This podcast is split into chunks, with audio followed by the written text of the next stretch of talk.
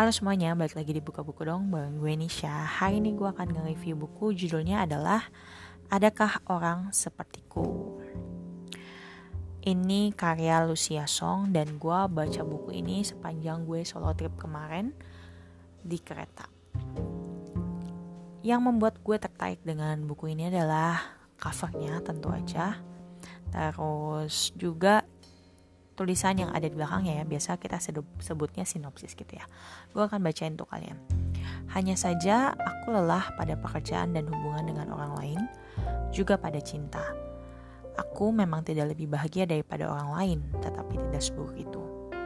Aku tidak merasa tertekan juga tidak merasa gembira. Aku menyukai seseorang tetapi terkadang tidak menyukainya. Begitulah setengah introvert setengah extrovert. Seseorang yang sepertiku jadi bukunya aja judulnya kan kayak bertanya ya, adakah orang sepertiku? Ada gak sih yang sama sama gue? Tapi ternyata kalau gue baca setiap kalian yang baca ini mungkin akan ngerasa ini tuh kalian banget kayak relate ke kalian karena kalau kalian tahu ya uh, dari segi MBTI atau DISC itu ada yang namanya karakter yang general banget gitu loh kayak misalnya ya MBTI yang paling sering ditemukan tipenya ini. Hampir kayak 50% orang di dunia punya kayak karakter ini sifatnya seperti ini kayak gitu ya. Makanya kalau ada buku-buku apalagi yang dibaca oleh sesama penggemar buku gue rasa ya kita tipenya sama gak sih? Tipe-tipe yang baca buku tuh yang ya kayak kita gitu kalian ngerti lah yang maksud gue. Nah di sini ada kata-kata begitulah setengah introvert setengah extrovert. Dan itu gue banget. Saat gue uh, ngerjain MBTI gue tuh hasilnya itu sebenarnya I depannya. Tapi I dengan proporsi tuh uh, proporsi lagi. Proporsi itu sekitar 50% something. Jadi sebenarnya setengah diri gue juga extrovert which is extrovertnya itu dalam keadaan tertentu dan memang lebih menonjol introvertnya daripada extrovert. Nah, di sinilah yang membuat buku ini tuh relate banget sama gue. Cuman sayangnya di bab-bab bab-bab bab di bab-bab terakhir gue mulai kurang relate karena dia ngomongin tentang uh, pasangan, perpisahan, which is memang gak relate sama kehidupan gue sekarang ini. Cuman gue suka banget bagian depannya. Dan dia tuh kayak kalau gue baca ya Lucia Song ini tuh siapa gitu ya. Lucia Song ini tuh salah satu kayak hmm, dia punya dia punya rad, penyiar radio gitu deh kalau nggak salah atau pembuat video gitu. Nih sejak tahun 2013 hingga sekarang uh, bukan bukan bukan bukan itu.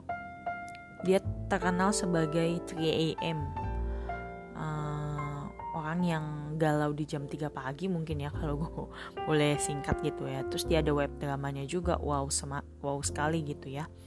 Dan dia ada instagramnya at your underscore 3am nah di sini tuh awalnya relate banget banget banget. Banyak yang gue lipat pas gue baca bahkan banyak yang gue garis bawahi gitu ya. Uh, dia lebih kayak tipenya tuh mirip buku apa ya? Gue udah pernah baca yang tipenya kayak gini nih. Kayak kumpulan prosa gitu loh. Bukan prosa sih judulnya kumpulan tulisan aja sih.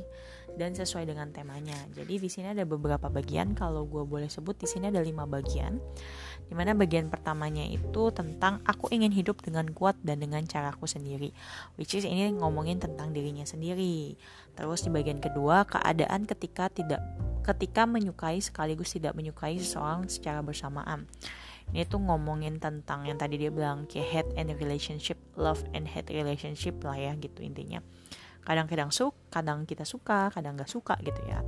Terus bagian ketiga ketika perasaan depresi sering datang sekaligus. Nah si Lucia Song ini termasuk seorang yang mengalami gejala-gejala depresi guys. Jadi mungkin kalau kalian yang merasa apa ya belakangan ini tuh kayaknya nggak ada gairah mungkin relate banget sama tulisannya si Lucia Song di bagian 3 terus nah yang ini nih bagian 4 dan 5 yang gak terlalu relate sama hidup gue tapi masih oke okay lah untuk gue baca bagian 4 ketika cinta membuat lelah seorang Lalu bagian kelima, ingatan tentang seseorang yang telah berpisah. Jadi untuk bagian keempat dan kelima ini lebih ke hubungan cintanya si Lucia Song dan uh, perpisahan yang dia alami kayak gitu.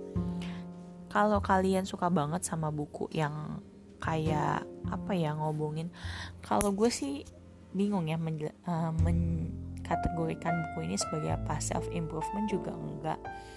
Self development juga kurang. Tapi lebih kayak ini tuh relate banget sama kehidupan sehari-hari sih sebagai kalian penggemar baca buku ya. Pasti kalau menurut gue selera kalian sama lah pasti uh, selera gue selera kalian pasti sama. Nah ini buku yang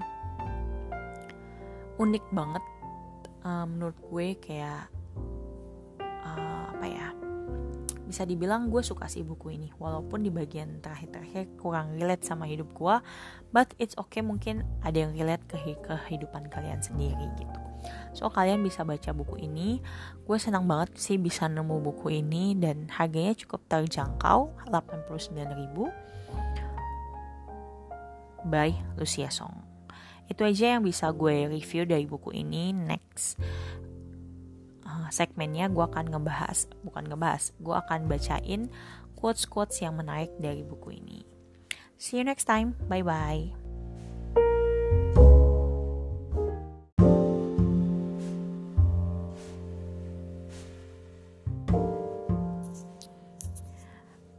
Aku pun merasakan bahwa diriku sangat konyol karena gejala sakit yang datang dua kali lebih menyakitkan dibandingkan saat aku tidak menyadari bahwa aku sedang terluka. Bukan hanya tubuh yang memar karena terbentur dalam keadaan tidak berdaya.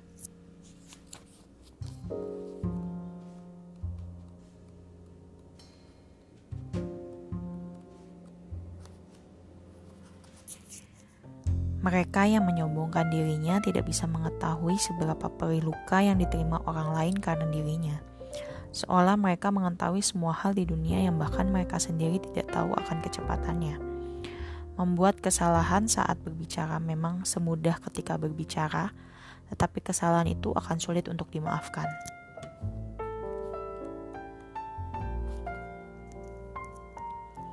Pertama-tama, jangan bereaksi secara emosional terhadap apa pun yang dikatakan lawan bicara. Kedua, ketika memang harus meminta maaf, katakanlah maaf tanpa ada alasan tertentu. Ketiga, katakanlah dengan jelas hal apa yang diinginkan. Sedekat apa pun hubungan yang terjalin hingga saling mengerti satu sama lain, tetap saja tidak mudah untuk mengetahui semua sisi sensitif tertentu dan sisi yang bisa mendapat luka.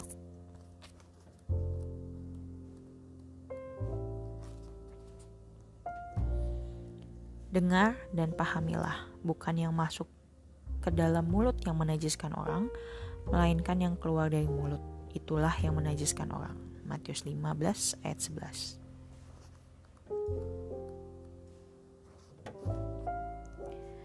Jangan biarkan suasana hati memengaruhi tindakan.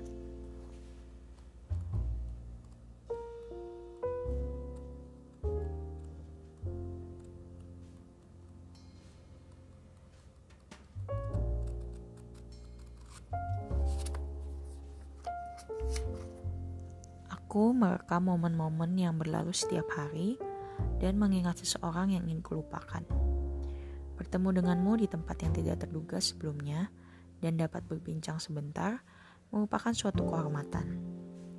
Seringkali kita tidak bahagia dan terkadang mampu merasa bahagia meskipun hanya mendapatkan semangat dalam waktu yang singkat ini.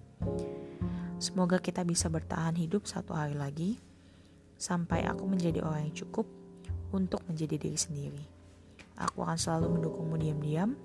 Seperti sekarang ini, pun kita sebenarnya adalah orang yang baik.